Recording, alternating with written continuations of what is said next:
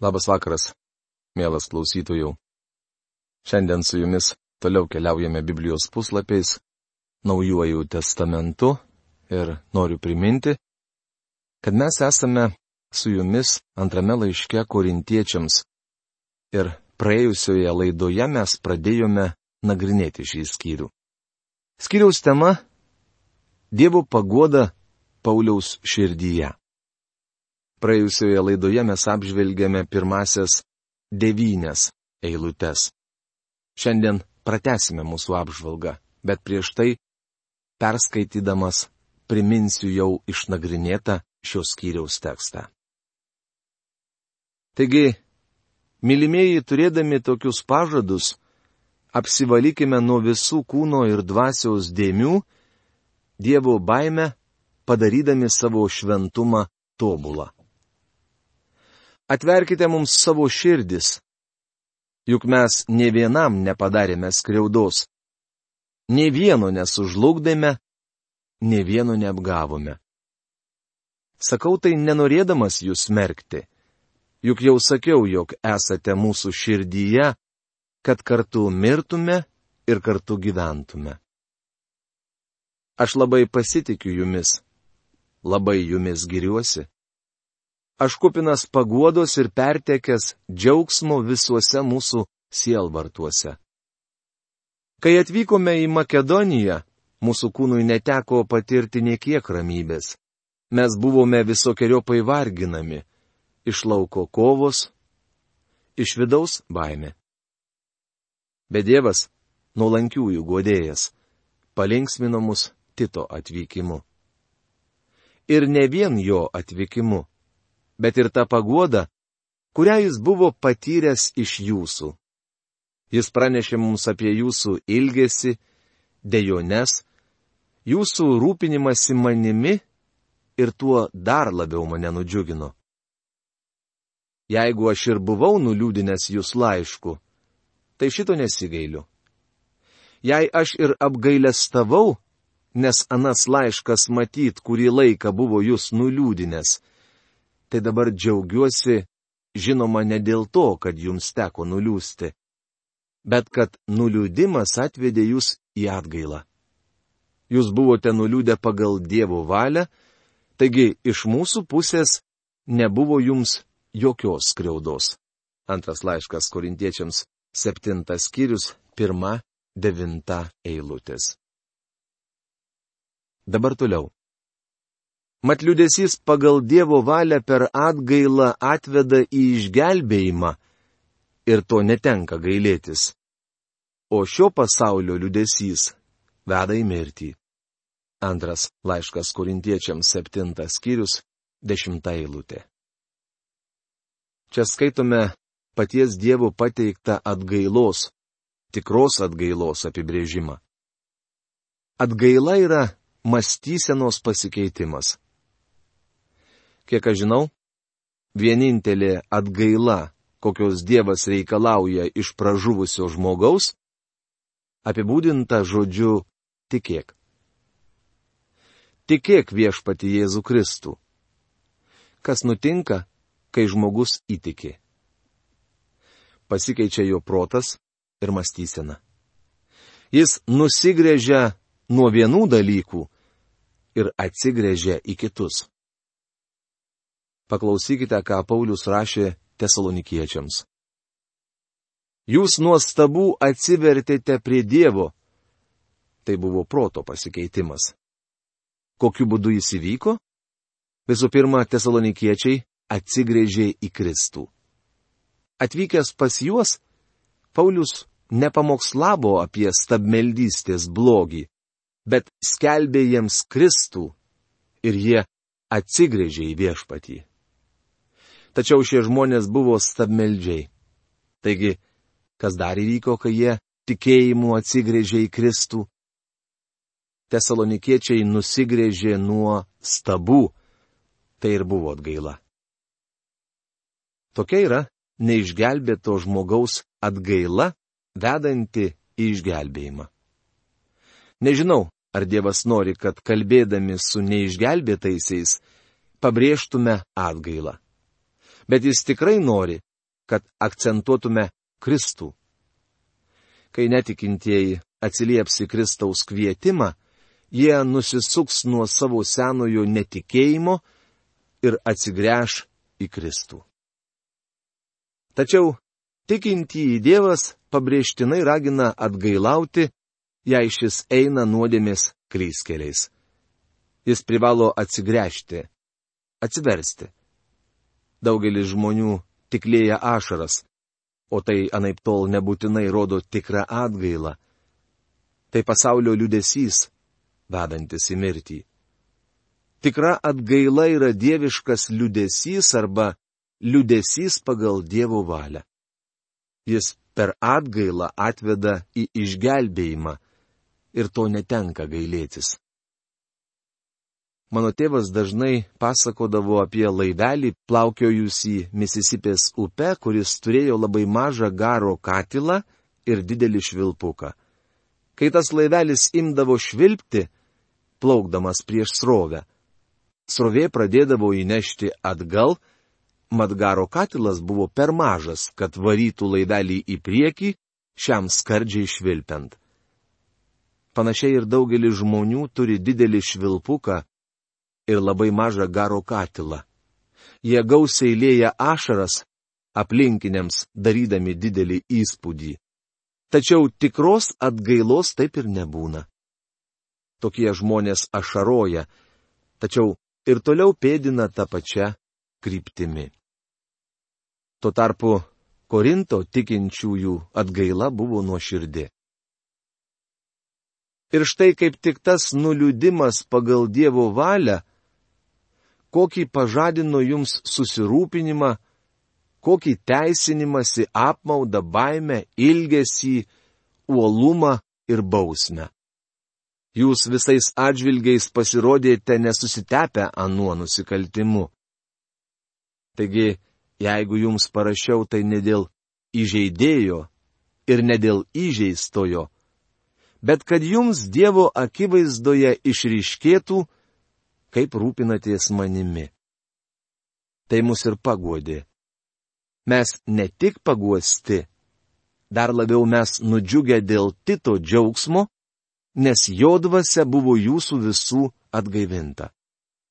Antras laiškas korintiečiams 7 skyrius 11-13 eilutės. Apaštalas giria korintiečius už tai, kad jų atgaila buvo tikra. Nelikau sugėdintas, kad jam buvau pasigyręs jumis, bet kaip visą jums teisingai kalbėjome, taip ir mūsų pasigirimas Titui pasirodė teisingas. Jo paties širdis dar labiau linksta prie jūsų, nes jis prisimena, kokie visi buvote klusnus, kaip priėmėte jį su baime ir drebėjimu. Aš tik džiaugiuosi, kad visais atžvilgiais galiu jumis pasikliauti. Antras laiškas korintiečiams septintas skyrius, keturiolikta, šešiolikta eilutės. Paulius atvėrė savo širdį ir parodė, ką jaučia širdies gilumoje. Apaštalas kupinas džiaugsmo ir paguodos. Antras laiškas korintiečiams, aštuntas skyrius. Tema - krikščioniško aukojimo pavyzdys. Paulius pakeičia temą. Septyniuose praėjusiuose skyriuose jis kalbėjo apie Dievo paguodą. Viliuosi, kad jūs buvote paguosti ir sustiprinti, sužinoję, kad krikščioniškame kelyje jūs lydi padėjėjas. Norisi tarti, Pauliau, tesk, papasakok mums daugiau apie paguodą tačiau jis staiga pakeičia temą ir ima kalbėti apie rinkliavą neturtingiems Jeruzalės šventiesiems. Paulius su trenksmu sugražina mus ant žemės. Nuo krikščioniško gyvenimo paštalas pereina prie krikščioniško aukojimo, kas nemažiau svarbu. Šią dalį, apimančią aštuntą ir devintą skyrius, galima suskirstyti taip. Pirma. Krikščioniško aukojimo pavyzdys. Aštuntas skyrius. pirma šešta eilutės. Antra. Paraginimas krikščioniškai aukoti. Aštuntas skyrius septinta penkiolikta eilutės. Trečia. Paaiškinimai apie krikščionišką aukojimą. Aštuntas skyrius šešiolikta, devintas skyrius penkta eilutės. Ketvirta. Padrasinimas krikščioniškai aukojantiems.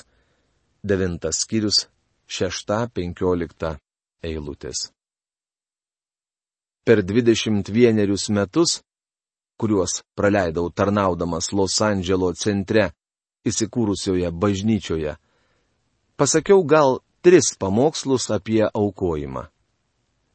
Ir visgi per tą laikotarpį aukos kartais išaugdavo du ar net tris kartus. Tai patvirtina mano įsitikinimą, kad Dievo žmonės rems Dievo žodžio mokymo ir pamokslavimo tarnavimą. Man kelia pasipiktinimą išpūstos reklamos ir pinigų rinkimo metodai, nūdien naudojami krikščioniškame darbe. Nemanau, kad tai atitinka šventojo rašto mokymą. Šie du skyriai sudaro Biblijos dalį, kurioje plačiausiai ir išsameusiai kalbama apie krikščionišką aukojimą. Iš tikrųjų, čia randame viską, ką mums reikia žinoti. Mums neduodama taisyklių, tačiau užrašyti labai aiškus aukojimo principai. Jums gali pasirodyti tai labai neįprasta. Kas nors galbūt pasakys, maniau, mes turime aukoti dešimtinę. Ne. Šiandien ši taisyklė negalioja. Tai gali būti principas, kurio norėsite laikytis. Tačiau nūdien nei vienas neprivalo laikytis jo kaip taisyklės. Šioje dalyje svarbia vieta užima žodis malonė. Aštuntame skyriuje jis pasikartoja septynis kartus ir dar tris devintame, taigi iš viso dešimt kartų. Šios dalies tema aukojimo malonė. Taigi, krikščioniško aukojimo pavyzdys. Pranešame jums, broliai, apie Dievo malonę suteiktą Makedonijos bažnyčioms. Antras laiškas korintiečiams, aštuntas skyrius, pirmą eilutę. Noriu kiek daugiau pakalbėti apie žodį malonė. Šiame skyriuje jis paminėtas jau pirmoje eilutėje vėliau ketvirtoje. Prašyte prašė mus malonės leisti jiems prisidėti prie šventųjų šalpos. Dar vėliau šį žodį sutinkame šeštoje eilutėje. Ten skaitome. Todėl mes paprašėme Titą, kad taip kaip pradėjo, taip ir baigtų pas jūs šią malonę. Tai kosto burbulio vertimas. Aukojimą Paulius vadina malonę. Tai Dievo malonė polinkis, kurį įdėgė Dievo dvasia. Apaštalas rašo korintiečiams, jog Makedonijos bažnyčios turėjo malonę aukoti, tikėdamasis, kad šioje malonėje dalyvaus ir jie. Teologai apibūdina malonę kaip neužtarnautą Dievo palankumą. Sutinku su tokiu apibūdinimu ir visgi jis nepilnai atskleidžia šio žodžio prasme dėl to galite nepajusti tikrojo jo skonio. Prieš studijuodamas koinę, tai yra graikų kalba, kuria parašyta šventasis raštas, mokiausi klasikinės graikų kalbos ir sužinojau, kad graikiškas terminas haris reiškia išorinę malonę, pavyzdžiui, grožį, žavumą, patrauklumą, gerumą, geranoriškumą, dėkingumą, pasigėrėjimą ar malonumą. Graikai turėjo tris malonės - gerumą, grakštumą ir kilnumą. Jie jautė reikalą propaguoti savo kultūrą ir norėjo perduoti visą tai kitiems. Šventoji dvasia pasirinko šį žodį, suteikė jam naujo spindesio bei kilnumo, o krikščionys rašė naujojo testamento knygas. Jį pasisavino. Paulius vartoja jį itin dažnai. Atidžiai klausykite dar vieno apibrėžimo. Dievo malonė yra Dievo aistra dalintis visų savo gerumu su kitais. Malonė reiškia, kad Dievas nori dovanoti jums gerus dalykus, gerybės. Jis trokšta padaryti jūs malonius ir kilnius, panašius į jo sūnų. Apie tokią malonę Paulius rašo laiško Efeziečiams antros kiriaus aštuntoje eilutėje. Jūs juk esate išgelbėti malonę per tikėjimą ir ne iš savęs, bet tai yra Dievo dovana ir nedarbais, kad kas nors nesigirtų.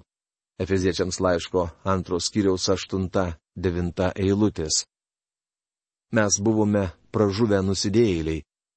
Neturėjome nieko, ką galėtume pasiūlyti Dievui už išgelbėjimą. Taigi jis išgelbėjo mus malonę. Jis aistringai troško mus išgelbėti.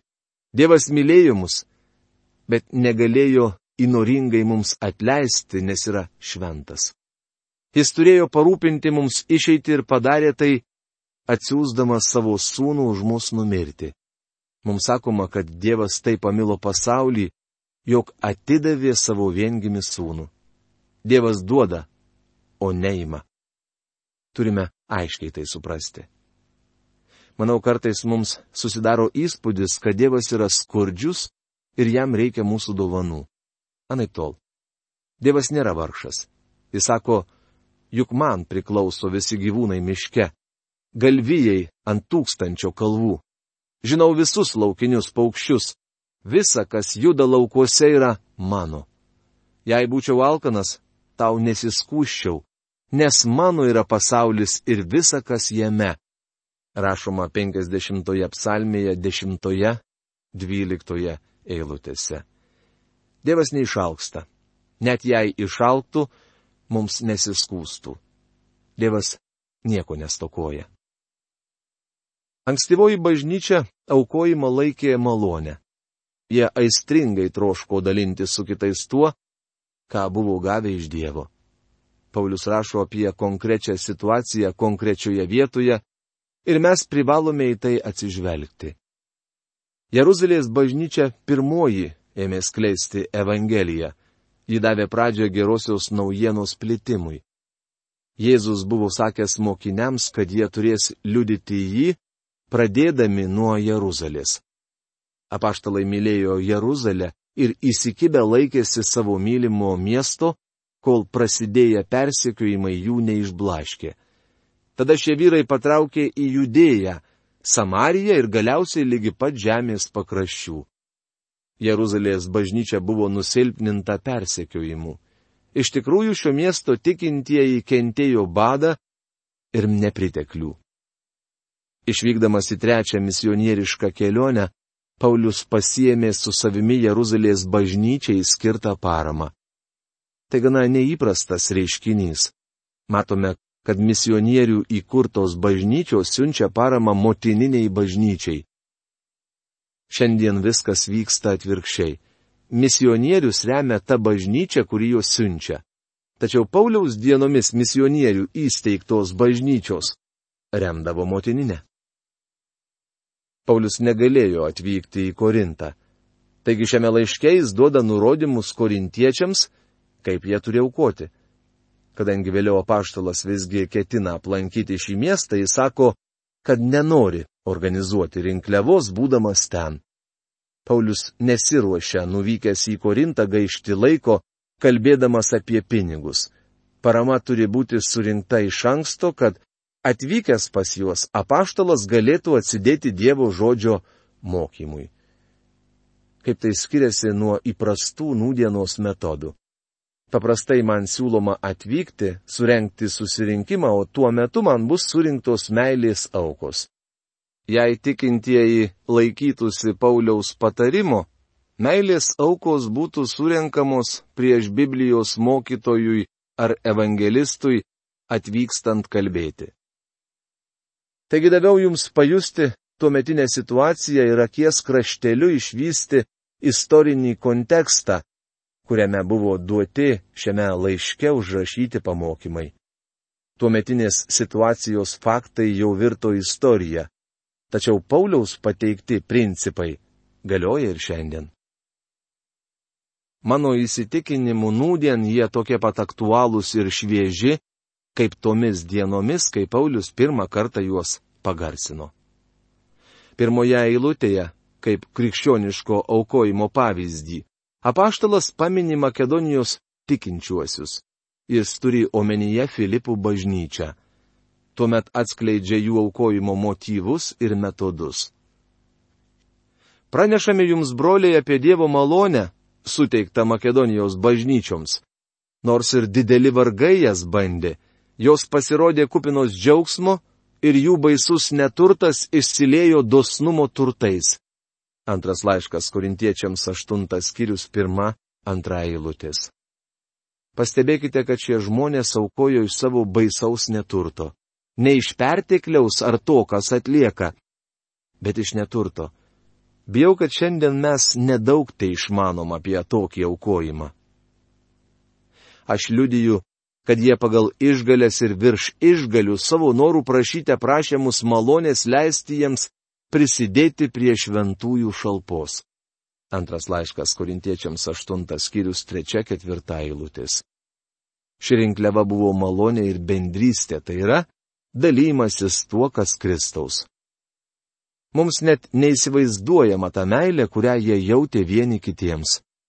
O ką pasakysime apie socialinę veiklą bažnyčioje šiandien? Turiu pripažinti, kad ji beveik užmiršta net fundamentaliose bendruomenėse. Gerai, kad aukojame misijoms, Bet ar turėtume ignoruoti stokojančius savo bendruomenės narius? Daugelis iš jų net nenori, kad vietinė bendruomenė sužinotų apie jų poreikius, nes žino, jog bažnyčioje to jau pat ims plisti apkalbos. Jie nenori priimti pagalbos, nes jaučia, kad tokiu būdu sitrauks didesnė ar mažesnė nešlovė. Aš pastebėjau tai savo tarnavime. Kartais negalėdavau atskleisti stokojančio asmens vardo komitetui, ar kitai žmonių grupiai norinčiai žinoti, kam skiriama parama, nes jie nemokėjo laikyti to paslaptyje. Kai tik informacija pasiekdavo jų žmonas, tai jau žinodavo visa bažnyčia. Šiandien mes esame praradę šią nuostabę aukojimo malonę. Na, o ką padarė Makedonijos tikintieji? Mes su jumis sužinosime jau kitoje mūsų laidoje. Taigi iki kito susitikimo. Sudė.